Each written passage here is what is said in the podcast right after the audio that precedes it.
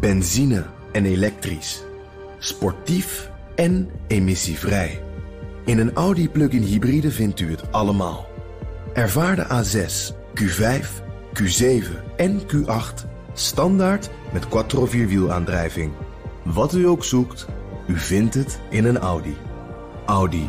Voorsprong door techniek.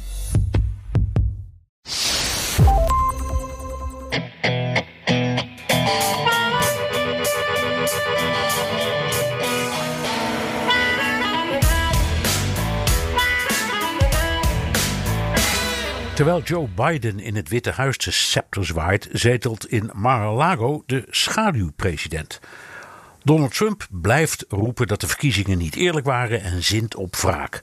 Trump houdt zo een stevige greep op zijn eigen partij. Can we move forward uh, without President Trump? The answer is no. Volgens senator Lindsey Graham kunnen de Republikeinen niet zonder Trump. En ondertussen worden in Arizona stemmen gecontroleerd op bamboe en leidt een kapitoolbestormer aan Foxmania. Dit is aflevering 76 van de Amerika-podcast. Mijn naam is Bernard Hammelburg vanuit Amsterdam. Ja, en ik ben Jan Posma vanuit Washington DC natuurlijk. Eh, de keukentafel, je kent hem met een uh, lekkere verse kop koffie. Ja, eh, ik ook trouwens hoor. Uh, Goed dat zo. ik helemaal vergeten te vermelden. Favoriete maar, moment van de week, hè? een koffietje erbij, maar, even bij Maar dan aan, aan een bureau, telt dat ook? Ja, natuurlijk, natuurlijk. Oh, Oké. Jan, Jan, Jan, vertel, hoe is het in Washington D.C.? Nou, Bernard, laat ik even beginnen met het, uh, het, het positieve nieuws. Uh, op 11 juni gaan alle coronamaatregelen eraf hier in DC. Uh, dus dat was wel, wel groot nieuws. Er werd ook wel uh, verrast op gereageerd, want het is hier steeds heel voorzichtig. dus we lopen meestal een beetje achter op bijvoorbeeld New York en, en op andere plekken. waar het sowieso soms wat, wat minder streng was. Maar dit was dus echt groot nieuws dat echt alles dan weer open mag. en nog een positief nieuwtje: dat parkje voor het Witte Huis. Uh, Lafayette Park, dat ken je ook. Ja, ja uh, natuurlijk. Waar ja. Al die, waar, daar zitten altijd de vaste demonstranten in hun tentjes. Ja, zeker. En die, die ja. moesten een beetje zo buiten die, die, die hekken gaan, gaan zitten. Maar die kunnen nu straks ook weer terug, want dat parkje is weer open. En dat was bijna een jaar dicht. Zo lang is het al geleden dat er uh, een beetje zo gereld werd bij het Witte Huis. rond het Black Lives Matter gebeuren. En dat Trump met een, een bijbel daar ging poseren, je weet het nog wel. Maar nu waren er weer toeristen. Je kan dus weer redelijk dicht bij het Witte Huis komen. Uh, dingen veranderen echt. Dus dat is wel uh, een, echt een lekker gevoel. Ja, en, en hoe zit het nou met het mondkapjesbeleid? Want in, in, dat, dat, ze mochten dus buiten al af, vertelde je geloof ik vorige podcast. Um, ja. Maar binnen moesten ze dan nog wel op. Verandert dat nu ook? Zie je eigenlijk gewoon uh, het, het, het normale leven echt terugkeren? Ja, nee, het wordt echt wel weer het normale leven. En ik, er was nog wel wat, uh, ja, wat discussie over of het nou bijvoorbeeld betekent... als je een restaurant ingaat, dan moet je geloof ik nog wel je mondkapje eerst op als je naar binnen loopt. Uh, maar uh, nou ja, zo, zoals normaal, wat nu al gebeurt, je, je doet hem gewoon af op het moment dat je zit. maar ja, als je gevaccineerd bent, zou dat dan ook weer anders liggen. Dus daar was nog wel wat discussie over. Maar we gaan echt, echt grote stappen terug naar het normaal. Want er mogen gewoon weer veel meer mensen in het restaurant en, en sportwedstrijden. Er mogen weer meer mensen bij. En ja, je ziet het nu al op straat. Ook, dat mondkapje was hier verplicht eigenlijk. Uh, nou ja, als je gevaccineerd bent, hoeft het niet meer. Dus uh, mensen doen het ook niet meer. Het, je komt nu op het punt dat je het ook weer vergeet. Van, oh ja, ik moet er af en toe nog eentje op. Dus ja, ja voor, de zekerheid en, voor de zekerheid en in je zak. Maar het is niet meer echt nodig. Ja, nee, heerlijk, precies. me dat. Ja, is echt man, een goed man, gevoel man. hoor. Ja, Ja. En, en, en, en vertel even zoiets als al die prachtige musea...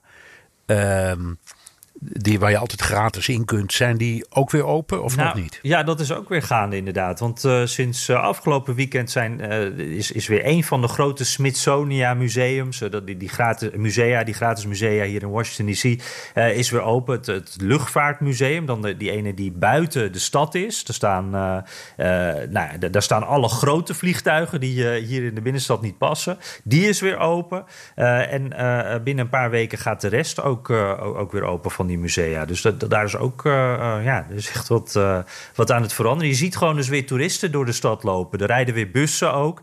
Gisteren fietste ik een stukje en toen dacht ik van wacht even. Ik moet weer een beetje oppassen. Het wordt hier weer druk op straat. Dat hadden Ja, we al een ja. tijd niet meer gehad. Nee, nee. Nou, in, je weet, in, in New York City hebben ze op een aantal spannende plekken hebben ze priklocaties neer, neergezet speciaal voor toeristen. Dan kun je gratis uh, kunnen, midden op Times Square kun je een prik krijgen. Ja, fantastisch. Ja, fantastisch. Ja, het, hey, ja, nou ja. Um, het beeld verandert. Uh, dat is toch wel heel belangrijk. Nederland loopt een eind achter nog hoor. Ja, je, daar is net weer een persconferentie geweest. Uh, nu wij elkaar zo spreken. Dat uh, net achter de rug, geloof ik, toch? Ja, ja nou ja. En daar, daar wordt dan voor 19 mei een paar um, nou ja, versoepelingen in het vooruitzicht gesteld. Maar alleen maar als een paar dagen daarvoor blijkt dat uh, de besmettingen nog steeds en de ziekenhuisopname nog steeds naar beneden gaan. Daar zit over de trend is goed door. Ook in Nederland begint gelukkig het tij een beetje te keren. Er zijn bijna 7 miljoen prikken gezet. Dus dat is voor een land van 17,5 miljoen mensen helemaal niet zo slecht. Dus het begint er langzaam die achterstand in te lopen. Maar het is nog wel, het, het beeld is nog steeds, vind ik, van een land in crisis. Met al die lege kantoren. Mhm. en, en ja, terrasjes, dat kan dan wel. Maar de restaurants daarachter, dat is uitgesloten. Dat gaat ook voorlopig niet gebeuren. Um, de hele, de hele um, kunstsector, dus uh, dat blijft allemaal dicht. Theaters, uh, dat is allemaal nog niet leuk. Nee, dat klinkt nog niet zo vrolijk. Jan, um, we redden ons in Nederland wel. Dus we gaan nu terug naar uh, Amerika. Want uh, de Amerikanen hebben onze hulp hard nodig, lijkt mij. hey, la, laten we even beginnen met uh, de Republikeinen. Uh, er speelt zich een, een, enorme strijd af. Een richtingenstrijd eigenlijk binnen de partij. Ehm, je had volgens mij eerst drie stromingen. Dus, dus zeg een soort libertijnse stroming. En dan Trumpisten die wilden zonder Trump. En Trumpisten die willen met Trump, zou ik maar zeggen. Maar ik heb de indruk dat er nu nog maar twee zijn. Je bent voor of tegen Trump. En, dan heb je eh, Liz Cheney.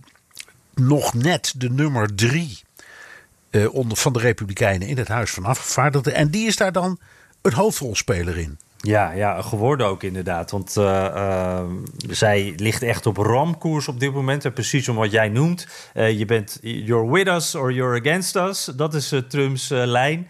En Cheney die heeft duidelijk aangegeven dat zij tegen Trump is. ze is eigenlijk altijd consequent uh, bij de feiten gebleven als het ging over de laatste verkiezingen en de verkiezingsuitslag.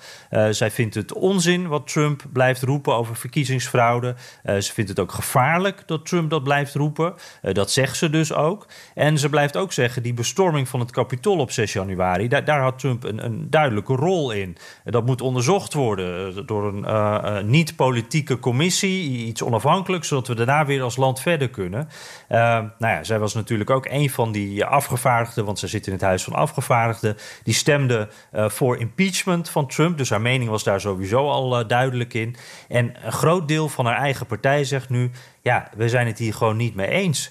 En als uh, Liz Cheney dit blijft vinden, dat is prima. Maar die invloedrijke positie die zij nu nog heeft, hè, de nummer drie in het huis. Uh, zij is de voorzitter van, van de Republikeinse uh, conferentie in het huis. ja, wij kunnen niet iemand daar aan het hoofd hebben die dit soort dingen zegt over onze eigenlijke de facto leider Donald Trump. Dus die positie die, die, die ga jij kwijtraken. En nou, op het moment dat wij elkaar spreken, dan moet die stemming nog komen. maar maar uh, ja, het ziet er toch naar uit dat zij die plek dus kwijt gaat raken. En dat, uh, uh, ja, dat, dat dat ook het begin voor meer problemen voor haar is, voor haar politieke carrière. Want nou ja, ook bij volgende verkiezingen gaat ze dit ook merken natuurlijk. Haar positie ten opzichte van Trump en nu ten opzichte van haar hele partij. Ja, en dan de kandidaat die Cheney zou moeten opvolgen is Alice Stefanik. een echte Trumpist. Dat wil zeggen, volgens mij ook niet helemaal uh, van harte. Dat is ze eigenlijk geworden. Ja. Uh, maar dat komt, het komt erop neer dat de partij dus een conservatief, want dat is Liz Cheney echt, inruilt voor een Trumpist. Ja, precies. Die, die Stefanik, eh, wat je zegt inderdaad, die was ooit wel wat gematigder uh, als republikein. Ze werd ook meteen vanaf het begin toen ze gekozen werd, werd zij door allerlei mensen van het establishment van de partij aangewezen. Van dit is de toekomst van de partij. Een jonge vrouw, die, die, die, die, die, die, dit gaat een grote carrière worden. Dit is iemand waar we echt nog veel aan gaan hebben in de partij. Ehm, zij haakte toen eigenlijk haar karretje aan in de Trump-trein. dat was tijdens die eerste impeachment van Trump. ze werd echt een van de gezichten van Trumps verdediging. ze was veel op televisie. Ze stelde hele duidelijke uh, ja, eh, pro-Trump vragen, zeg maar. Zij was echt in Trumps verdediging bezig tijdens die impeachment. En uh, ja, dit, dit, staat allemaal eigenlijk voor, voor een, een, een grotere strijd. Hè? Deze keuze voor die Stefanik. Trump was een tijd uit beeld. Maar een groot deel van de Republikeinen in het congres zeggen nu eigenlijk: ja, wij kunnen niet zonder Trump. Trump is nog steeds onze leider. Dus daarom moet die Stefanik, iemand van de Trump-kant, die, die, moet daar gaan zitten. En niet iemand die tegen Trump is. Een voorbeeldje daarvan is bijvoorbeeld Trumps Eh, bekende bondgenoot Lindsey Graham. Just say to my Republican colleagues: can we move forward uh, without President Trump? The answer is no. I've always liked Liz Cheney, but she's made a determination that the Republican Party can't can't grow with President Trump. I've determined we can't grow without him. All of these people, like Herschel Walker and all the people you just named, are attracted to the Trump Republican Party. Economic populism, uh, America First agenda. If you don't get that, as a Republican, you're making the biggest mistake in the history of the Republican Party. Ja, en Graham zegt hier dus ook heel duidelijk: we kunnen gewoon niet zonder Trump. Die, die man die is de partij. En, en uh, ja, ik vind dat toch altijd wel opvallend hoor. Als je kijkt hoe uh, Trump het heeft gedaan eigenlijk. Hè. Onder hem is de meerderheid in, in de Senaat uh, zijn ze kwijtgeraakt. geen meerderheid in het huis. Het Witte Huis verloren. Uh, dus je kan ook het tegenovergestelde zeggen. Misschien is het wel heel goed voor de Republikeinse Partij om afscheid te nemen van Trump en, en een nieuwe weg in te slaan. Uh, maar wat denk jij, Bernard? Heeft Graham hier een punt? Um, Graham is wereldkampioen opportunisme. Uh, en die was, dat herinner je je ook nog wel, helemaal aan het begin van de periode ook niet zo'n Trumpist. Dus die, die, die, die is bijgedraaid. En uiteindelijk, ik denk nog steeds uit praktische en opportunistische overwegingen uh, aan zijn kant gaan staan. En het, hij, hij telt, hij kijkt rond, hij snuffelt hoe de Republikeinen denken en voelen. Dus niet zozeer de parlementariërs, de politici, maar het volk. En ja, hij komt uit uh, dat, dat typische rode gebied van de Carolinas. Um, en daar komt hij natuurlijk vaak gewoon, want uh, die senatoren gaan, hebben ook allemaal een kantoor in hun eigen regio. Um, en daar luistert hij naar de mensen. En ik denk dat hij gewoon zich daardoor laat beïnvloeden. Het is iemand die uitrekent wat het beste is. En um, ja, daar heel behendig als een soort uh, panter, zal ik maar zeggen, uh, op afgaat. Uh, het is niet iemand. Ik kan me niet voorstellen, Lindsey Graham kennende, dat het nou echt iemand is die in zijn hart ook uh, een, een, Trumpist is. Uh, en ik denk alleen al aan de periode van toen John McCain nog leefde. Want die twee die kwamen vaak samen met wetsvoorstellen of moties. die heel dikwijls een wat progressief karakter hadden. Dus het, het, het waren veel meer vrijbuiters, samen toen zeker. Uh, dan dat Graham nu is zoals hij zich nu heeft ontwikkeld. Dus ja, um, hij, hij telt zijn knopen. Um, en dat gaat door Amerika Trumps kreet The Big Lie. Dat is nu het centrale thema geworden, de gestolen verkiezingen. En ik denk dat Graham denkt, willen wij blijven winnen en willen we bij de verkiezingen van 22 er uh, aardig uitkomen. Ja, dan moeten we dit doen. Maar dan moeten we ook maar consequent zijn en er ook voor uitkomen. Zoiets denk ik. Ja, precies. En, ja, Als je ja. het maar hard genoeg blijft herhalen ook en, en gewoon volhouden, dan, dan, dan is er eigenlijk ook niks aan de hand. Het, het, is eigenlijk, want dit, wat mij, uh, wat het beeld is wat ik van die Republikeinen in het congres krijg, is dat zij er een beetje overheen proberen te praten eigenlijk. Alles waar Liz Cheney dus uh, wat ze wil uitzoeken, waar ze over wil blijven praten en wat ze juist wil benadrukken. Uh, zoals Trump, die zei bij de bestorming van het Capitool op die dag toen hij die speech hield daarvoor ook van, nou, dit is een dag die jullie voor altijd zullen herinneren. nou ja, dat is nu dus niet meer zo. Die willen de Republikeinen niet meer aan herinnerd worden. En als jij uh, dus dat gewoon negeert en ook uh, eigenlijk een, een, beetje ja, zo vol blijft houden zonder in detail te treden dat, dat Biden nooit echt gekozen is. dan hebben ze eigenlijk ook nooit een nederlaag geleden. En, en daarmee kan je ook dus dan volhouden, dan is alles wat Biden doet niet serieus te nemen. en. Ehm, er zijn wel een paar uitzonderingen. Die Josh Hawley, eh, Marjorie Taylor Greene en Stefanik, waar we het net over hadden. Die zijn wel meer uitgesproken. Die, die zeggen dan ook af en toe nog wel echt... er is fraude gepleegd, dat soort zaken. Maar het valt me ook veel republikeinen in het congres... die hebben het er gewoon liever niet over. Die, die zeggen hoogstens iets van... ja, nou, er zal vast wel wat verkeerd zijn gegaan. Ja, het is een beetje fishy. Maar meer willen ze er niet over zeggen. Nee, uh, Jan, jij bent altijd de man van de peilingen. Hoe ligt dat nu niet onder de parlementariërs, maar onder de kiezers? Wat, wat vinden die? Hoe, hoe, hoe, leeft dit? Ja, dit, dit, onderbouwt eigenlijk precies wat jij ook zegt. En, en wat we ook al eerder uh, gezien hebben. Dat, dat uh, nog steeds in die peilingen zie je dat. Nou, ik, het is een beetje verschillend wel naar welke peiling je kijkt. Maar tussen de 55% en 70% van de Republikeinse kiezers die geloven dat die verkiezingen oneerlijk waren. En dan, dan is dat niet gespecificeerd hoe ver uh, die, de fraude is geweest... of dat moedwillig is geweest, of nou ja, wat er allemaal precies is gebeurd. Maar in ieder geval dus 55 tot 70 procent van die republikeinen... die denken, ja, het is toch niet helemaal goed gegaan. Het is niet helemaal kosher. En dat is wel, nee. wel heel opvallend natuurlijk. Hè? We zijn nou ja, en ik zit, ik zit even snel te rekenen, Jan... Ehm, als, je, als je grofweg zegt dat de ene helft van Amerika democratisch is en de andere helft republikeins, dan is dit, uh, nou ja, ergens tussen de helft en twee derde van de republikeinen. En dat, als je dat dus extrapoleert op het geheel, dan zit je aan iets van een kwart van de totale bevolking of zo. Ja. Die, die denkt dat het uh, land wordt bestuurd door een uh, leugenaar die de verkiezingen heeft gestolen. Ja, en die dat dus gelooft uh, nu we, nou wat is het, zeven maanden na die verkiezingen zijn. Uh, die beiden die zitten gewoon al een hele tijd. Uh, alle, alle, alle, alle, alle, stappen zijn doornomen om die verkiezingsuitslag officieel te maken. De gang naar de rechter, meer dan 60 keer gemaakt. En, toch, dit, ja, het is er nog steeds. Daar hebben we ons al vaker over verbaasd. Ik blijf me er ook over verbazen, maar het gaat niet meer veranderen volgens mij. Nee, nee. En um, nou ja, en oké, hoe gedragen de media zich in deze kwestie? Ja. ik, ik, ik probeer er zoveel mogelijk op te letten, maar jij zit er met je neus continu bovenop.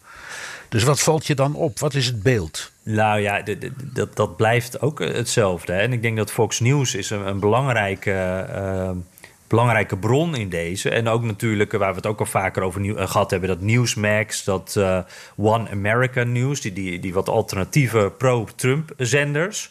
Vooral, ja, die, die kunnen er eigenlijk, die, die, die, ja, die praten bijna over niks anders, zou je kunnen zeggen. Maar ook op Fox News wordt toch nog steeds, zit soms in kleine dingetjes, hè, als het over dat Biden bijvoorbeeld niet president Biden genoemd wordt, maar gewoon, uh, gewoon Biden, dat soort dingetjes. En uh, je ziet ook uh, de gevolgen daarvan. je noemde aan het begin van de uitzending al eventjes de, de, de Fox Mania.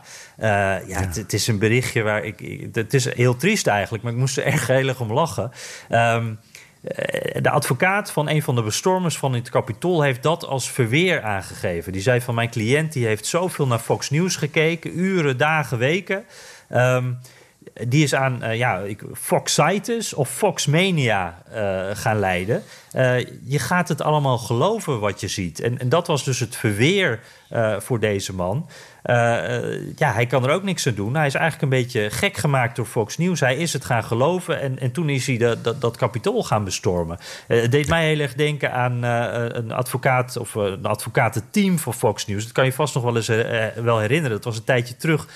die zeiden van ja, Tucker Carlson... Eh, die moet je niet serieus nemen, bekende presentator, want hij brengt geen feiten, hij brengt overdrijvingen. Het is entertainment. En de rechter nam dat toen over van ja, je moet Tucker Carlson inderdaad niet serieus nemen. Dit, dit, dit is niet journalistiek of de waarheid en mensen kunnen dat ook wel weten. Maar ja, mensen weten dat dus niet. Mensen nemen dat echt voor, voor serieus, maar ook, ook echt heel erg serieus. Ja, maar goed, ik, ik kan me niet voorstellen dat dit voor een rechter juridisch voldoende uh, verweer is hoor. Dat je, dat, dat, dat, je hebt um, zo'n grote keus aan bronnen uh, en aan kabelstations en aan uh, networks. Dat uh, volgens mij kun je nooit zeggen: ja, maar ik keek alleen maar naar die ene en dat heeft mij ertoe gebracht om het kapitool te bestormen. Want als, als dat zou worden toegewezen door een rechter. Ja, dan zou, je, dan zou het gevolg daarvan zijn dat Fox uit de lucht moet. Want Ja, dat is dan ja. een, gevaar voor de volksgezondheid, zal ik maar zeggen. Ja. Dus dat, dat kan niet waar wezen. En- en heel wat is, andere het is wel knap. Ja. Ja, het is wel knap bedacht hoor, van die advocaat. Ja, ik vond het een echt een hele mooie. En ik moet ook wel zeggen, een, een van de dingen die wel steeds een beetje terugkomt in de wat extremere gevallen van die kapitoolbestormers is van ja, het is eigenlijk niet mijn verantwoordelijkheid. Het kwam door Fox News, het kwam door Trump, het kwam door eh, de mensen om me heen. Eh, het, het, het ligt nooit aan eh, de- die, die mensen zelf. Dus eh, de- die kan ook onder dat eh, kopje, denk ik. Ja, en dan, en dan nog even, even terug naar Cheney, Liz, Liz Cheney. Ehm, want die, die, die is toch een beetje de risée aan, aan, het, aan het worden binnen haar eigen partij. Wa- Wat zou er gebeuren eigenlijk? Wo- wo- Wordt ze daar nou? Ze, kunnen er niet uitzetten, want een volksvertegenwoordiger is gekozen.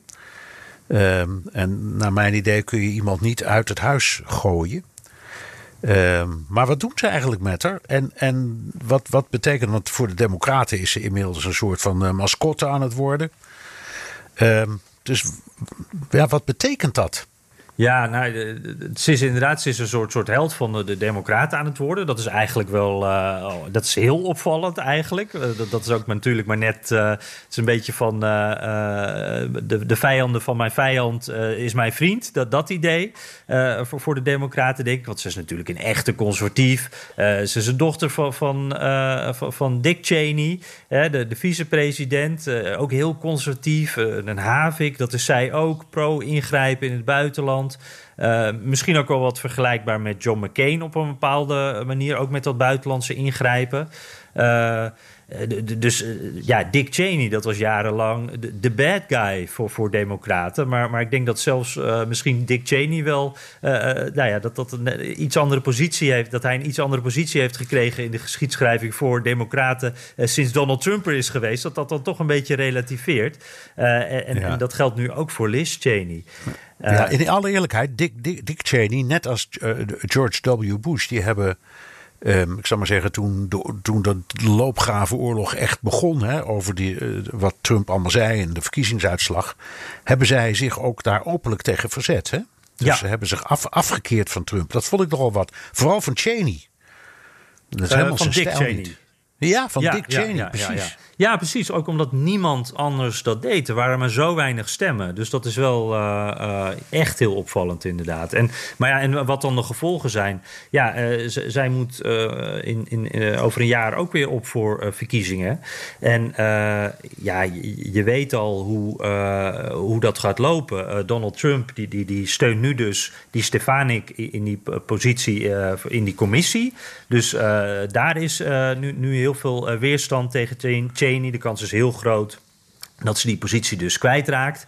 Eh, en eh, nou ja, dan komt daarna die, die, die verkiezingen. En dat wordt voor haar gewoon ook een, een harde, echt een moeilijk verhaal. Want eh, Trump die gaat haar tegenstander natuurlijk steunen. Eh, er gaat actief gezocht worden, misschien wel naar tegenstanders. Eh, het zal haar moeilijker worden om geld binnen te halen. Ik denk dat dat echt een heel moeilijk verhaal wordt voor haar. Ja. heuvel op, zeg maar, en met de wind Ja. te- tegenwind. Oké, maar de plek waar ze moet winnen is haar eigen thuisstaat, Wyoming. Ja. Het district dat zij daar vertegenwoordigt. En ik, ik weet het gewoon niet hoor. Maar ik ben reuze benieuwd hoe het district van Liz Cheney in Wyoming denkt over deze hele kwestie. Kijk, Wyoming is altijd, ik kan me niet anders herinneren, ehm, een republikeinse staat geweest.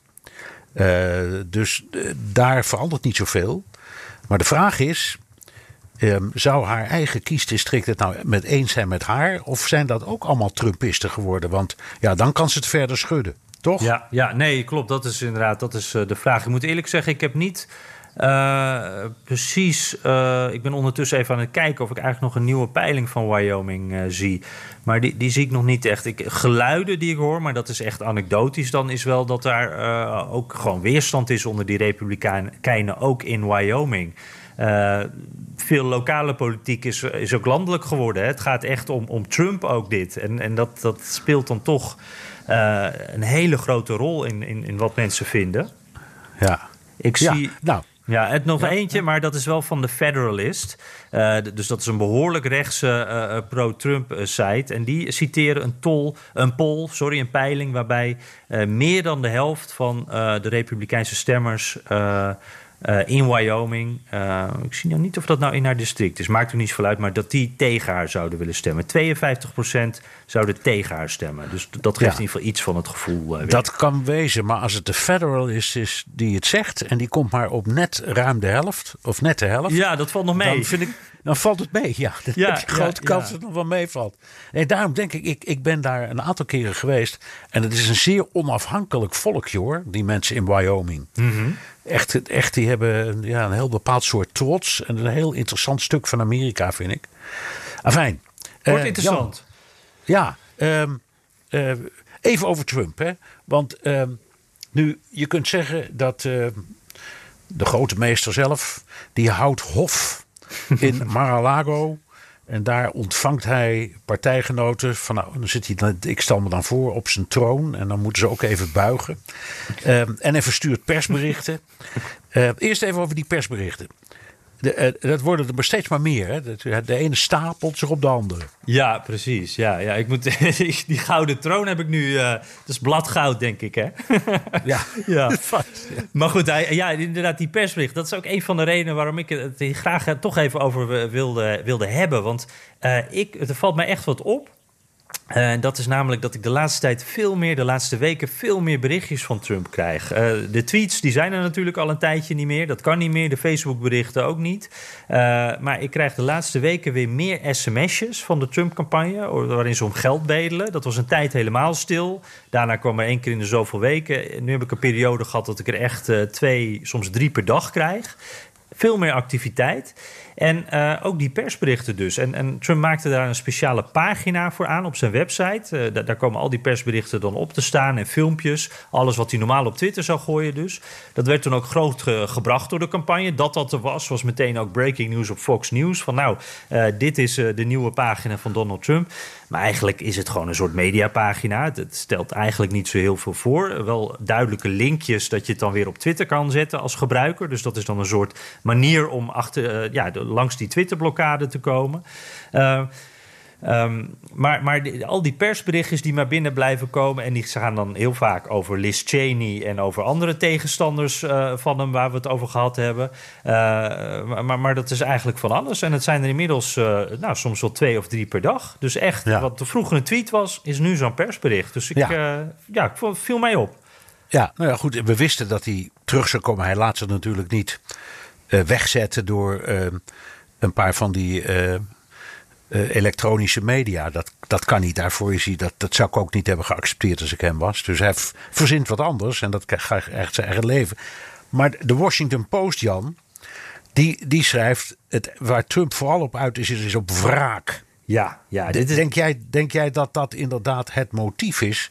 Of, of is het echt een soort van ideologie? Ja, dat is een, heeft Trump een ideologie? Hè? Dat, dat is ook een, uh, een vraag die je daarbij dan moet stellen. Ik, ik heb het gevoel, hij heeft natuurlijk wel meningen over bepaalde zaken. Maar ik heb nou niet het gevoel dat hij uh, heel ideologisch gedreven is. Uh, en dat zijn persoonlijke positie hier toch een belangrijke rol bij speelt. De, naam Trump. Um, en het merk. Het merk, inderdaad. Dat vindt hij heel belangrijk.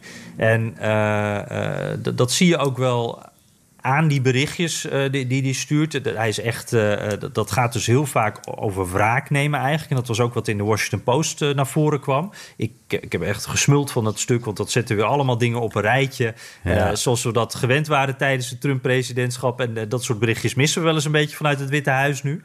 Uh, maar, maar dan gaat het bijvoorbeeld om die Brad uh, Ravensburger, ken je hem nog? Die man uit Georgia, ja, die, uh, die republikein. Ja, die was verantwoordelijk voor de verkiezingen. nou, de, de Trump is nog steeds des duivels op die man. ook gouverneurs die, hem, die Trump niet steunden. Eigenlijk iedereen die de, die de uitslag zomaar maar erkende. Daar is Trump het niet mee eens.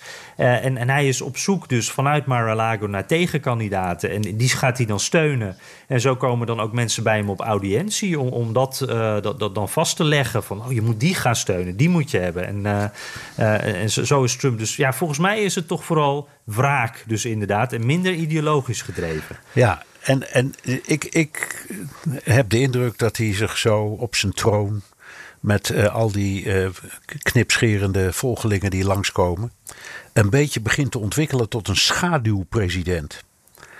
Um, dat, Dat, dat, dat is zo'n heel probleem. Want als, als, als je hebt dat bijvoorbeeld in de Britse politiek. Hè, daar heb je al die tijd al, zolang ik me kan herinneren, heb je een schaduwkabinet. Dat presenteert zich ook zo, uh, gewoon officieel. Um, en dat zegt ja, eigenlijk zit Boris Johnson daar uh, niet helemaal legaal pre premier te wezen. Uh, en bij de volgende verkiezingen nemen wij de zaken over. En de ploeg is al klaar, inclusief de premier. Dus die presenteren zich ook zo. Maar ik, ik, ik heb de indruk dat hij nu een beetje die positie kiest.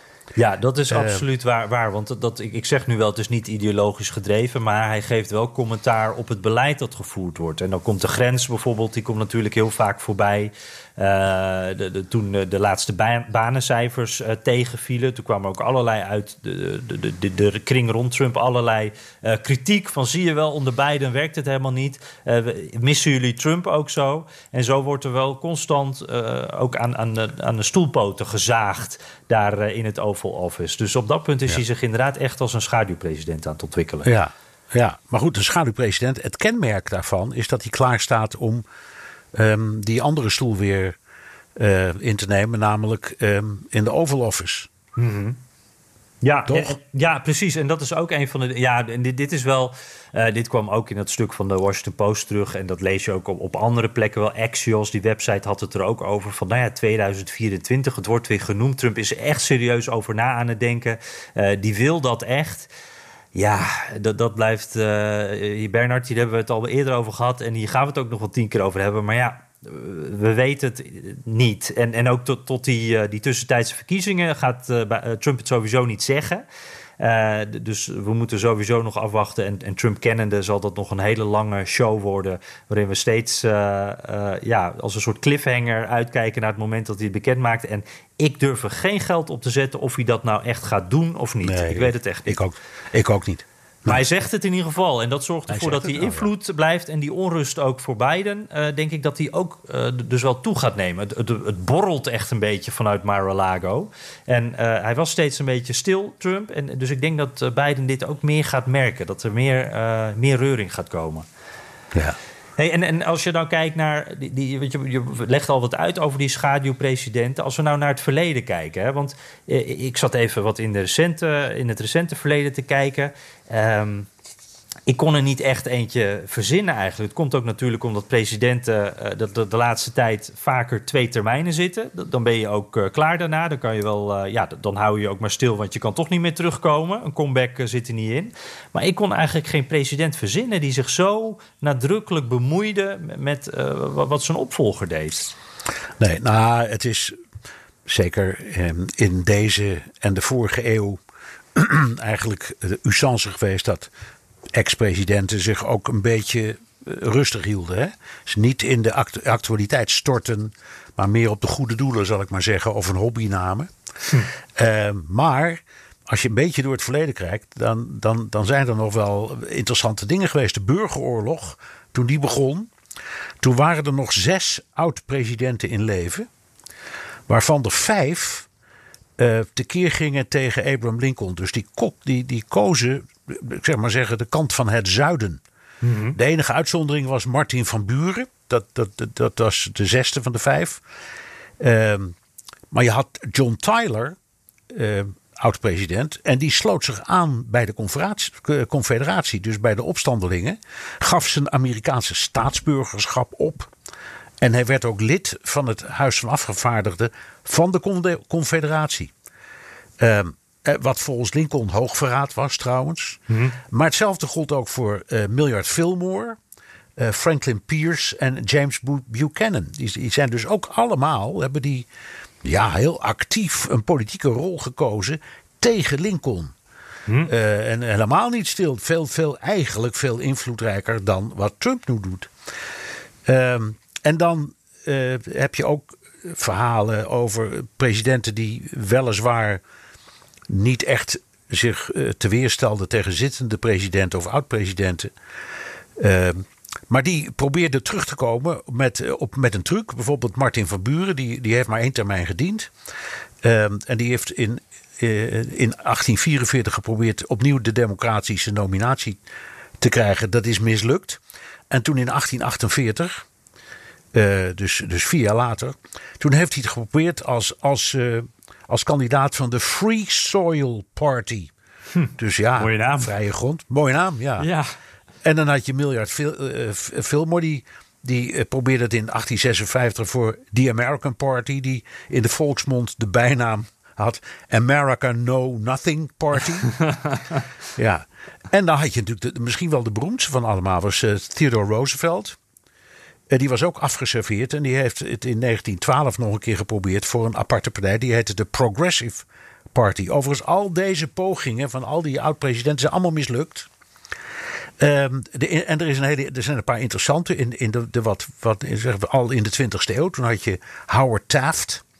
En die werd na zijn presidentschap nog negen jaar lang uh, president van het Hoge Rechtshof.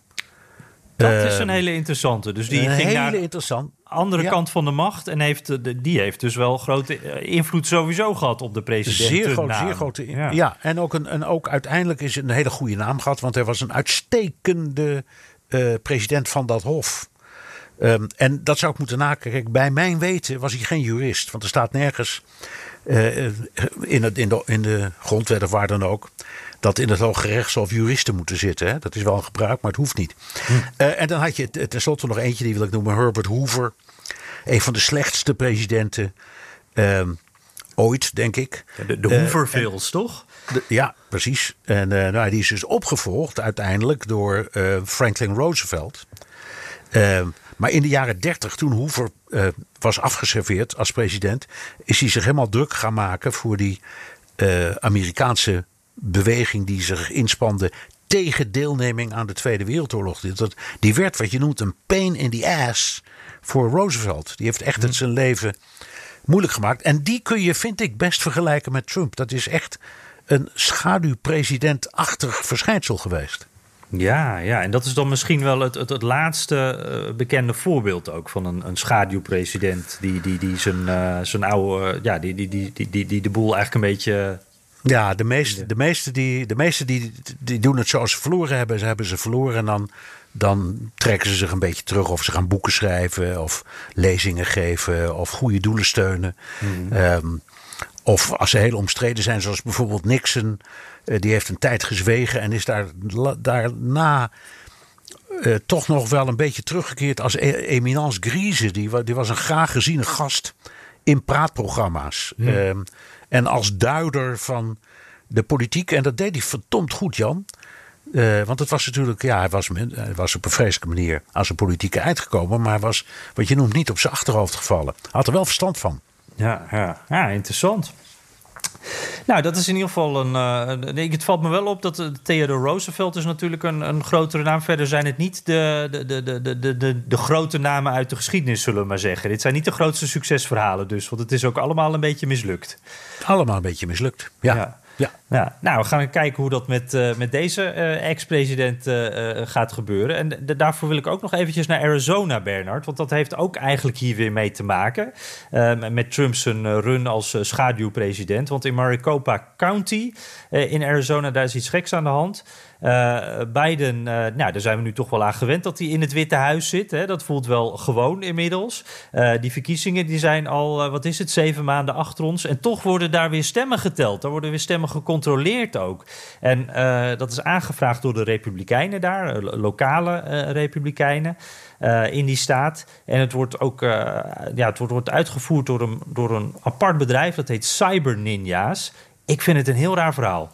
Ja, en het is de zoveelste keer dat de stemmen daar geteld en gecontroleerd worden. Waren al hertellingen. Ehm, er is een eh, controle geweest, een audit. Eh, de stemcomputers die zijn gecheckt. Ehm, en nou wordt het, eh, het hele proces opnieuw er doorheen. gaan ze er doorheen. Ehm, en dit allemaal omdat, dat vind ik wel, ook wel een beetje tekenend voor wat zich afspeelt. Ehm, dit gebeurt niet omdat de Republikeinen eh, in eh, Washington het niet geloven, maar de Republikeinen in de staatssenaat van Arizona. En dat gebeurt dan allemaal door vrijwilligers. Ehm, en eh, die kijken naar die stemmen. Ehm, via een bedrijf dat heet Cyber Ninjas. Wat ik ook wel heel mooi gevonden vind. Hoor, trouwens. ja, wat een goede naam, ja. Prachtig vind ik. Maar die, hebben dus, die, die weten echt helemaal niks van, van dit soort zaken. Hebben er ook helemaal geen ervaring bij. Uh, mee. En dan is er een, een, een, een baas van dat Cyber Ninjas. Die is ervan overtuigd dat er inderdaad uh, fraude, fraude is gepleegd. En waar zoeken ze nu op dit moment naar? Of er in de stembiljetten bamboe zit. Uh, en waarom dat zo is, legt deze man uit. There's accusations that 40,000 ballots were flown in to Arizona. Into Arizona, and it was stuffed into the box. Okay, and it came from the southeast part of the world, Asia. Okay, and uh, and what they're doing is to find out if there's bamboo in the paper. Ja, dat is toch ongelooflijk, Jan? ja, het is echt. Toen ik dit voor het eerst voorbij zag komen, dit was dus zo'n moment dat ik dacht: nu moet ik echt even controleren of dit wel klopt. Uh, is dit niet een, uh, een, satirische site die dit brengt? Uh, wie is die man eigenlijk? maar het klopt inderdaad. Die man die zegt later wel, ik heb een stukje uitgeknipt. Later zegt hij wel van ja, zelf geloof ik dit niet zo. Maar uh, er wordt dus ondertussen wel onderzoek naar gedaan. Ze zijn echt naar het, aan het kijken of er bamboe, uh, uh, ja, bamboe te vinden is op die stembiljetten. Met de gedachte dat dat dan uit, uit Azië, uit China is geïmporteerd. Het, ja, Bernard, ik, ik, ik, het is een soort. Ik zit af en toe wel eens naar die camera's te kijken. Je kan al via de livestreams kan je allemaal volgen wat er in die uh, sporthal uh, gaande is. Dan kan je natuurlijk net niet uh, goed genoeg kijken om echt te weten wat er aan de hand is. Maar dan zie je dat daar inderdaad allemaal mensen met, met papieren in de weer zijn. Ehm, het is echt. Ja. Het is een beetje een circus. Vind ik. Ja, ik heb, zo, ik heb ze, wat was dat vorige week of de week daarvoor ook zien staan met die ultravioletmachines. Die zijn ja. nu weggehaald. Ja, ja. Dan denk je, joh, wat zou daar, wat zou daar allemaal gebeuren? Ja, en dat dan uh, ook de, de experts zeggen van, ja, maar waarom doen ze dat eigenlijk? En dan blijkt er dus een of andere theorie te zijn dat, dat er uh, door Trump uh, watermerken zijn achtergelaten op die stembiljetten. En die zijn ze dan aan het opzoeken. Ja. ja. Maar goed, maar Trump speelt hier zelf toch ook een rol in? Ja, ja, want dit is ook een van die dingen die dus, dat, wat ook du duidelijk werd uit het Washington Post artikel. Uh, ze hebben allemaal mensen uit zijn omgeving daarvoor geïnterviewd. Hè, en die horen dan dat hij veel hierover praat. En dat hij veel met Arizona bezig is. Van, van wacht eventjes, dat is een staat die kan ik niet verloren hebben. Het kan gewoon niet. Ik, ik moet daar, da daar moeten we onderzoek naar doen. En ja, ik heb het gevoel, die, die, die, die, ja, die, lokale republikeinen, die zijn ook, nou, er zit ook een behoorlijk obstinaat Twitter-account bij, wat, wat echt om de haarverklap allerlei berichten aan het versturen is. Um, ik heb het heel erg beeld dat dit, het maakt niet uit wat hier uitkomt. Want eigenlijk alles uh, alle aandacht die dit krijgt en alle complottheorieën die hierbij uh, worden verspreid, dat is eigenlijk al de winst. Dat meer mensen horen uh, nou, dat er best vraagtekens gezet kunnen worden bij deze uitslag. Maar als je kijkt naar de officiële instanties, de, de ook onafhankelijke onderzoeken, dan is er helemaal geen reden om aan te nemen dat hier sprake is van fraude. En de mensen die nu in de weer zijn, dat zijn geen onafhankelijke mensen. Die, die hebben een heel duidelijk beeld hierbij. En ik, ik geloof dat ze ook nog in ieder geval weken, misschien wel maanden hiermee bezig zijn. En alle uh, aandacht die het krijgt, ja, dat zorgt natuurlijk ook weer voor uh, ja, toch zo'n gevoel van waar rook is, is vuur. En dat is volgens mij het doel. Ja. Nou, dan nog iets, Jan. in in een paar staten, Florida, Texas. Um, daar worden de regels voor de verkiezingsdag voor het stemmen strenger gemaakt. Dat is ook al gebeurd in Georgia, behoorlijk controversieel. En het zijn allemaal belangrijke staten voor de verkiezingen. Wat, wat is hier nou toch aan de hand en wat zijn de gevolgen? Ja, nou die, die gevolgen, dat zijn nu onder andere. Uh, nou, voor Florida is, is uh, de nieuwste daarin. Die, die, hebben bijvoorbeeld, dat was ook wel bijzonder, want daar hebben we een Republikeinse gouverneur natuurlijk. En die heeft dit enthousiast gepresenteerd, maar dat deed hij in een persconferentie waar uiteindelijk alleen Fox News bij mocht zijn. Dus andere media moesten buiten blijven wachten. nou, daar zit ook wel een soort circus-element in, dus een duidelijke boodschap. maar in Florida is bijvoorbeeld nou, meer invloed voor waarnemers met, met, een politiek kleurtje, zeg ik maar even. Dus eigenlijk een beetje wat aan de hand is in, uh, in Arizona, waar we het net over hadden, dat, dat daar ook meer mogelijkheden toe zijn om dat ook zo aan te pakken in Florida uh, na verkiezingen. Uh, en we hebben wel eens wat korter na de verkiezingen erover gehad van hoe fijn het toch was dat op lokaal niveau die politieke kleur niet een rol speelde. En, en, dat dus toch alle processen om het te blijven controleren, dat die goed werkte. Nou, dat zou daarmee dus kunnen veranderen. het wordt ook bijvoorbeeld moeilijker voor ambtenaren om absentee ballots aan te vragen om die te versturen. Uh, de, formulieren daarvoor. Uh, het wordt bijvoorbeeld ook strafbaar als je mensen in de rij uh, water of hulp aanbiedt. Nou, dat is ook iets wat we in Georgia hoorden natuurlijk. je moet hier soms echt urenlang in de rij staan. En in Georgia en Texas en Florida, daar wordt het heel warm natuurlijk. dus dat soort dingen, daar gaat het dan om. En ja, ik, ik ik ontkom er niet aan. Het, is volgens mij toch de rode draad, Bernard. In al die staten wordt het moeilijker gemaakt voor uh, uh, armere mensen. Uh, dat zijn vaak ook minderheden uh, wordt het moeilijker gemaakt om te stemmen. Dat zijn de wijken waar minder stembussen komen. Dat, uh, daarvoor, wordt het moeilijker, uh, daarvoor is het sowieso al moeilijk om tijdens een werkdag eventjes weg te gaan om te, te gaan stemmen.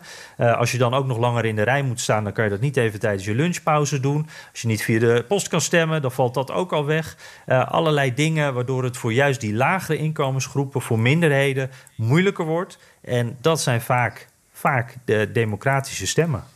Ja, en, en als we denken in termen van wraak, dan wordt die dus niet genomen op federaal niveau, maar op lokaal niveau. Ja, precies. Ja, ja. En in, in, de, in de Staten proberen ze de regels te veranderen zodat um, nou ja, het, het, het lastiger wordt voor een democraat om te winnen. Dat is wat ze denken. Ja, en, en op dit moment, uh, volgens mij zelfs terwijl wij aan het praten zijn, uh, uh, wordt ook in het congres, wordt in de Senaat ook gesproken. dus in Washington zijn ze ook, is dit ook opgevallen natuurlijk. En democraten die willen dus ja, federaal, op federaal niveau regels maken, waardoor dit soort maatregelen op staatniveau ja, tegengehouden kunnen worden. Maar ja, dan moet je natuurlijk de Republikeinen mee hebben. En dat, dat zit er voorlopig niet in volgens mij. maar daar is in ieder geval Chuck Schumer hard mee bezig. Maar ik moet, ik, we waren echt, ik weet nog toen, na de, to, toen er zo uh, over de uitslag uh, de, de, werd, uh, ja, bekvechten was het eigenlijk echt een beetje. Wat, wat ja. Trump ook aan het doen was. Hè, en alle rook en alle ruis die er was. Ik weet nog dat we tegen elkaar zeiden, wat fijn dat op dat lokale niveau, dat het daar nog goed werkt. Dat het systeem daar nog niet door, door politieke spelletjes kapot gemaakt is. Ja, en als ik dit dan allemaal zo hoor, dan denk ik, ja, uh, dat zou dus wel eens kunnen gaan gebeuren nu. Dat, hier word je niet uh, positief van. Nee, nee. Oké, okay, Jan, zullen we naar de luisteraarsvragen gaan? Wat heb je allemaal uh, ja, opgediept? Misschien zit daar nog een wat positievere noot in, Bernard. Ja, even een beetje lachen. Ja, hè? precies. Ik hoop het. Even kijken. Marco Oostendorp, die kijkt iedere week weer uit naar onze podcast. Mooi. Wij ook. Favoriete moment van de week. En hij zegt: uh, een paar afleveringen geleden hadden jullie het over het feit dat Joe Biden de president is die de oorlog in Afghanistan heeft beëindigd. Toen vroeg ik mij af hoe het staat met Amerika's langstlopende oorlog, de war on drugs. Is dit nog steeds een actueel thema? En wat is de invloed op het justitiële systeem en immigratie? Nou. Goeie vraag. Uh, goeie, hele goede vraag. Nou, het antwoord is natuurlijk ja. Uh, want uh, ze noemen dat dan de, de opiumcrisis, de opiummatencrisis. Um, en die is bij mijn weten in, nou, in geen decennia zo ernstig geweest als nu. Dus het aantal verslavingen is magistraal. Uh, er is ook een verband tussen Afghanistan en dit natuurlijk, omdat Afghanistan de grootste producent is van opium. Door, daar heb je dan de klaproos, die belangrijkste product. -hmm komt voor een heel groot deel daar vandaan. En het komt heel veel binnen via inderdaad die omstreden grens. Niet alleen hoor. Het komt ook gewoon met vliegtuigen wordt het gesmokkeld en op schepen. Dat is natuurlijk ook op zeer grote schaal. Um, maar het is een enorm probleem. En uh, uh, ja, er zijn. Ik herinner me de campagne van Nancy Reagan. Mm. Die had dat ge, uh, geadopteerd. En daar kwam toen de bekende kreet Just Say No vandaan. Uh, dat was denk ik best goed bedoeld hoor. Uh, omdat het, het, het betekent dat je, je kunt het beter niet doen. Maar dit is iets wat we ook voor je hopen en je adviseren. Dit heeft niks te maken met politie of ingrijpen. Dus het, het had ook wel iets vriendelijks. Heeft geen moer geholpen. 0,0. Hmm. Uh, en de mensen die, die ik er altijd over spreek, die er verstand van hebben, die zeggen: je kunt het alleen maar oplossen door het uh, drugsbeleid te liberaliseren. Uh, want daarmee uh, wordt de markt minder interessant. Bijna alle drugs waar je het over hebt, komen uiteindelijk terecht in de Verenigde Staten. Nou, dat is, ja, dat is zeer zorgelijk. Hm.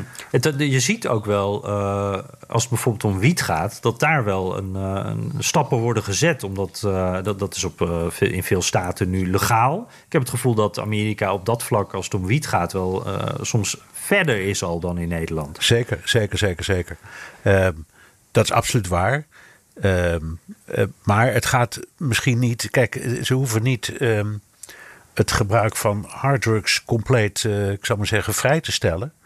Maar je kunt een veel scherper onderscheid maken tussen gebruikers en dealers.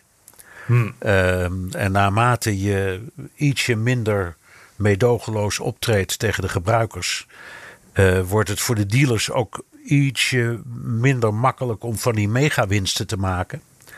Uh, dus daar zou je kunnen beginnen. Hmm. Uh, het is niet mijn expertise. Ik weet niet zo heel veel van. Alleen in de loop van de jaren maak ik het zoveel mee. En ik heb in mijn omgeving ook zoveel mensen meegemaakt in Amerika die problemen hiermee hadden, persoonlijk.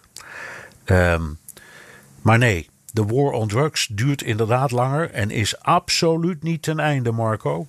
Nee, dat, uh, en uh, met de opiaten is daar eigenlijk een heel nieuw hoofdstuk eigenlijk aan toegevoegd. Met een hele andere uh, uit, of nou ja, dezelfde uitwerking, maar even een andere, uh, andere verslaving daarbij, zeg maar. Um, ja, ja, maar goed, de grondstof is van al die dingen hetzelfde. Hè? Ja, dat is, dat is waar ja. inderdaad. Het is eigenlijk vooral de legale status daarvan dan wat het probleem anders maakt. Nee, maar ik bedoel, je kunt, je kunt, je kunt cocaïne kun je, uh, maken. Je kunt al, al, dat soort dingen kun je ook maken van allemaal van opium. Dus hm. het zijn allemaal opiaten. Ja. Uh, laten we doorgaan naar Tom Dijkstra. Ja, die uh, zegt: Ik luister meestal uh, als ik in de auto zit, of in ieder geval als ik onderweg ben, van Lemmer naar mijn werk in Almere. hij zegt af en toe was, was de positieve berichtgeving over Trump voor mij even slikken. Omdat die berichten mij zelden bereiken. Mijn vader is eind jaren 70 terug geëmigreerd naar Nederland van zijn voorouders. En is absoluut geen fan van Trump. Uh, nou, hij waardeert wel uh, de middenpositie die hij uh, hier van ons hoort. mooi. Hij heeft twee kleine aanmerkingen. De eerste gaat over de opmerking dat Bill Clinton loog over I did not have sex with that woman. Toen ik nog studeerde, behandelde tijdens het vak ethiek het, verschil, uh, het verschijnsel liegen. En daar hebben we juist de opmerking van Bill Clinton als schoolvoorbeeld genomen voor de waarheid niet zeggen door de waarheid te zeggen. In werkelijkheid zei Bill Clinton: I did not have sexual relations with that woman. En dat is om twee redenen slim. Eén, hij spreekt in meervoud. Dus als uh, hij slechts één relatie heeft gehad, dan is het nog steeds waar. Um, en twee, hij kan zich altijd beroepen op het feit dat hij een bepaalde seksuele handeling zelf niet als een seksuele relatie ziet. Nee. Uh, ja, persoonlijk en objectief. Ja, ja niet ja, objectief. Nee, maar dat, dat, dat klopt hoor. En de discussie toen ging er al meteen over. Iedereen zei: dit is niet een, niet een, dit is niet een kwestie van. Um, definitie. Dit is een kwestie van. Uh, hiervoor moet je in het woordenboek kijken. Wat is nou eigenlijk seks? Hmm. En het woordenboek Echt waar. Het woordenboek is uh, bij seks hoort penetratie. Dus omgekeerd, als daar geen sprake van is, dan kun je uh, in elk geval taalkundig en misschien dus ook wel juridisch volhouden dat het geen seks was. Mm -hmm. um, en dat was de kern. En uiteindelijk is dat ook uh, het onderwerp van discussie geworden. En daarmee heeft hij die ene stem in de Senaat gekregen die hem vrijsprak. maar ging, het ging om deze redenering, ja. En dat allemaal dankzij het woordenboek. Hij heeft nog een tweede opmerking. Uh, Bernard, je hebt blijkbaar gezegd dat de bestorming van het kapitool ook een zekere invloed op de uitslag van de verkiezingen heeft gehad. Uh, nou, uh, Tom die zegt, die kans lijkt me vrij klein, want die bestorming was pas na de verkiezingen. Ja, ik, ja, heb je dat? ja, ik, ik kan me niet herinneren. Ik, ik ook niet, maar ik kan best gezegd hebben. Maar dan bedoelde ik in de nasleep ja, precies. Uh, ongetwijfeld van de verkiezingen. Uh, want daar heeft het wel, en dat speelt nog steeds een rol. Ehm, dus dat kan, dat weet ik niet. En als ik het heb gezegd, sorry, dan heb ik me vergist, Tom. Ja, dan geven we jou gelijk, Tom. Ja. Eh, Jos Verhoef, uh, ik luister hier in, het, in Midden-Frankrijk altijd tijdens het wandelen naar jullie podcast. Nou, dat is leuk uh, toch? Hè? Dat klinkt goed, inderdaad. hij zegt, ja, hij wil altijd wel reageren, maar ja, dan moet hij weer registreren. Vindt hij allemaal gedoe. Dus als hij thuis is, dan is hij het alweer vergeten. Tot vandaag, zegt hij. de opmerking in jullie laatste podcast over de verzonnen uh, verhalen van Fox News dat de hamburger in de ban moest voor het klimaat doet me wel erg sterk denken aan een soort gelijk fake news campagne die de Telegraaf, een broodheer van een van jullie heb ik begrepen, ja van mij, in 2009 uh, eh, tegen het uh, klimaatakkoord voerde. Biefstuk en bal gaan in de ban, kopte de Telegraaf. En dat was een uitspraak volgens de krant van klimaatpaus Ed Nijpels. En we moesten allemaal aan de linzensoep en de vegaburgers. Ja, dat, dat is niet gebeurd, inderdaad. Dus uh, uh, ik kan me inderdaad de, de gehaktbal ook nog wel herinneren. Volgens mij stonden die ook op de voorpagina toen, toch? Ja, ja, ja, dat was wel een verhaal, dat klopt. Ja, ja. Nou, ja. Uh, Jos zegt dan... ja? Nou, zo gaan die dingen, dat wil hij dus maar zeggen. Ja, precies. Het is van alle tijden. Dus, en, dus, dat is van alle tijden om dat soort overdrijvingen te maken. En ja, daar zit soms een politiek kleurtje aan. En soms zit er ook alleen maar een beetje sensatiezucht achter. Als hij dat bedoelt, dan geef ik hem groot gelijk. Dat klopt. Dat, dat, dat doen we allemaal wel in dit vak. Ja, en het is uh, denk ik wat wij. Uh, wij hadden het de vorige keer ook over de barbecue. Hè, hoe, dat dan. Uh, de, of de ham, Amerikaanse hamburger. Dat is dan iets dat is zo dicht staat dat bij die Amerikanen. En ik denk dat de gehaktbal. Dat is inderdaad wel. Wat de hamburger is voor de Amerikanen. Is de gehaktbal voor ons. Dat, ja. ja, dat werkt precies hetzelfde. Hij zegt trouwens ook nog, Bernard. Ik ben zelf een, overigens een vervent vleeseter. Nog altijd goede herinneringen aan een mega steak in Fort Worth. En een van een aantal jaren geleden. Ja, midden, midden in Texas. Het kan niet beter. Ja, Die, dat moet een enorm apparaat zijn geweest, denk ik. Ja. ja. dus, dank Jos. Uh, Max van Meerten, ja, daar hebben we al eens eerder een vraag van uh, gehad. En uh, die, vraagt, die, die luistert tijdens de workout. even kijken. Tijdens de laatste podcast bespraken jullie de beweging om van Washington DC de 51ste staat te maken. Hoe kijken jullie naar Puerto Rico? Een territorium met 3 miljoen inwoners, wel een stuk armer dan de rest van de VS. Zou Puerto Rico geen volwaardig lid van de Unie moeten worden? Uh, en zou het nog kunnen dat de Puerto Ricanen best conservatief zijn en in meerderheid republikeins stemmen? Dan zouden DC en Puerto Rico tegelijkertijd uh, statehood kunnen krijgen om ja, dus de boel een beetje in balans te houden. Dat is wel nou, interessant. Nou, dat laatste, dat vind ik wel dat is, dat is een dealmaking die mij niet zo aanspreekt. Omdat inderdaad Puerto Rico is veel groter. Uh, het is een Caribisch eiland. Ja, en de Caribische eilanden zijn uh, nooit echt helemaal 100% onderdeel van het, het land. Dat is nu helemaal zo. Hoewel, de Fransen zijn heel consequent hè, met uh, Guadeloupe en Martinique. Daar, heb, daar, mhm. betaal je ook met, daar betaal je ook met de euro. Ehm, maar goed, Puerto Rico, ja. Um, er is een beweging die dat wil, maar er is ook een grote beweging in Puerto Rico die dat helemaal niet wil. Um, en het heeft eigenlijk uh, in de loop van, voor zover ik me kan herinneren, in de loop van de decennia is die discussie vaak geweest over Puerto Rico. Het heeft nooit ergens toe geleid. Maar of dat nu precies is omdat ze bang zijn voor de stemkleur van die mensen, dat betwijfel ik hoor. Daar, daar geloof ik niet zo in. Um, maar ik, ik, ik kan het niet precies verklaren. Bij mijn weten is het omdat ze zelf ook twijfelen. De Puerto Ricanen? Ja. Ja, ja. ja, ja, En, uh, maar goed, ze zijn volledig staatsburger. En ze maken in New York een behoorlijk deel uit van de uh, Latino uh, bevolking. En misschien zegt de naam West Side Story ons allemaal nog iets. In ieder geval Max, hoop ik. Ja. Dat, dat speelde zich af ongeveer waar ik nu iets ten zuiden van waar ik woon. Uh, namelijk in, in, in de buurt van Columbus Circle, waar, waar nu uh, de, de Met staat, de Metropolitan Opera, dat prachtige gebouw. Oh, ja, ja. Dat is het gebied waar de West Side Story zich heeft afgespeeld. En, uh, daar, en dat, dat ging over Puerto Ricaanse gangs. Dus ze zijn zeer eh, luidruchtig en uitvoerig al, altijd aanwezig geweest. Nu helemaal niet meer hoor. Er zit niks kwaadaardigs meer in. Maar toen wel. Maar ik, ik kan de vraag niet beantwoorden. Ik weet gewoon niet eh, of, en of het ooit nog gaat gebeuren. Ik vermoed van niet. Ik, eh, Oké, ja. Ik, ik ben misschien een beetje eh, cynisch daarin ook hoor. Want dat, dat dealmaken, ik had het idee dat dat, ik weet in dit geval duidelijk niet. Want anders dan was er al meer over gesproken, was misschien al gebeurd. Maar ik kan me nog wel herinneren, ik dacht dat Alaska en Hawaii, dat die ongeveer, dat die tegelijkertijd tot de Unie kwamen. En dat is toch een republikeinse en een democratische staat. Dus zou dat daar toen niet een beetje hebben meegespeeld? Nee, nee, dat heeft bij mij, dat is volgens mij uit mijn hoofd allebei 1957, 6 of 57 gebeurd. Ehm, nee, dat, dat, dat, was het niet. Het was uh, allebei denk ik veel meer een strategische overweging.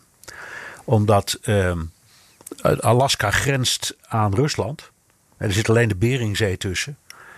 Um, en ik denk dat ze, daar, dat ze dat eh, veiliger vinden om dat volledig Amerikaans te hebben. En ook vonden ze trouwens dat de bevolking daar recht op had. Het speelt ook een rol. En Hawaii, ja, dat had natuurlijk die vreselijke geschiedenis meegemaakt met Pearl Harbor. Hmm. Uh, en was, hoewel het uh, zo ver weg ligt dat het niet eens binnen het NAVO-gebied valt. Wist je dat? Nee, dat Hawaii, niet. Hawaii is geen onderdeel van het NAVO-gebied. Dus een Zover... aanval op één, eh, dat eh, is één op ons allen. Nou, dat geldt niet voor Hawaii? Nee, terwijl het daar toch echt is gebeurd hmm. op, in Pearl Harbor. Ja. Zou nog een hele discussie geven. en misschien juist ook wel hoor, omdat het misschien, dan misschien geen NAVO-gebied is, maar Amerika kan zeggen het hoort bij ons. En ook daarvoor gold dat de, de bevolking daar grote behoefte aan had. en destijds in, in de toenmalige Oost-West uh, politiek die je eh, duidelijk had, die alles overspoelde. Hè? Alles wat ging tegen de Sovjets in die tijd. Daar was het ook heel belangrijk om zo'n vooruitgeschoven post midden in de oceaan te hebben. Hmm. Dus, dus dat waren de redenen waarom ze dat hebben gedaan, bij mijn weten. Ja, ja. oké. Nou, interessant. Uh, ja, ik, mijn koffie is op. En mijn tijd is eigenlijk ook zo ongeveer een beetje op. Ik weet niet hoe dat bij oh, jou zit, Bernard. Ja, ja, het, ja dat heb je soms. Ja, ja, uh, nou, dus, dan laten we de andere vragen even liggen dan. Hè? Ja, Joek Hartog-Heijs en Lennart Menger. Een hele uitgebreide vraag, eh, daar gaan we volgende week op uh, terugkomen. En ook Kolja Lane, uh, dat gaan we ook volgende week doen. Ja, nou, dat was hem dan. Uh, deze Amerika-podcast. Heb je nog recensies, Jan? Oh ja, natuurlijk. Uh, even kijken. Uh, hey, hallo. Die zegt, goede gebruikersnaam is dat trouwens. heerlijke beschouwing van de Amerikaanse politiek. luister vaak tijdens het fietsen of koken. Objectief. Uh, en laat jullie vooral niet beïnvloeden door Trump-aanhangers die jullie betichten van subjectiviteit of linkse propaganda. Voor deze door en door nihilistische groep is het nooit goed, tenzij je, juiste, de, ja, sorry, tenzij je juist onwaarheden omarmt en subjectief bent in je oordeel. Keep up the good work. Uh, en uh, Deventer-Amsterdam. Uh, die zegt uh, al die uh, leuke achtergrondfeiten. Ik luister echt voor die kleine weetjes en feiten over dit fascinerende land en diens inwoners en leiders vroeger en nu. treft steeds journalistiek zoals ik het graag hoor. En hij zegt, nou. of zij, dat weten we niet. Ik vind juist drie kwartier te kort. Nou, we hebben er deze keer ongeveer een uurtje van gemaakt. Een hebben uur. goed gedaan. Ja. ja. goed gedaan.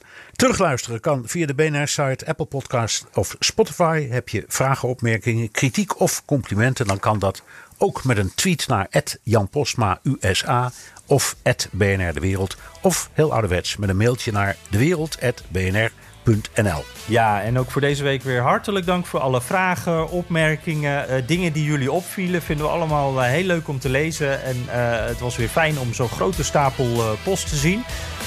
ja, tot volgende week. Dan praten we jullie weer bij. Dag.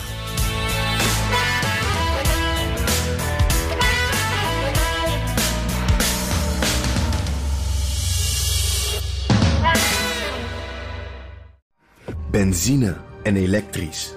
Sportief en emissievrij. In een Audi plug-in hybride vindt u het allemaal. Ervaar de A6, Q5, Q7 en Q8 standaard met quattro vierwielaandrijving. Wat u ook zoekt, u vindt het in een Audi. Audi. Voorsprong door techniek.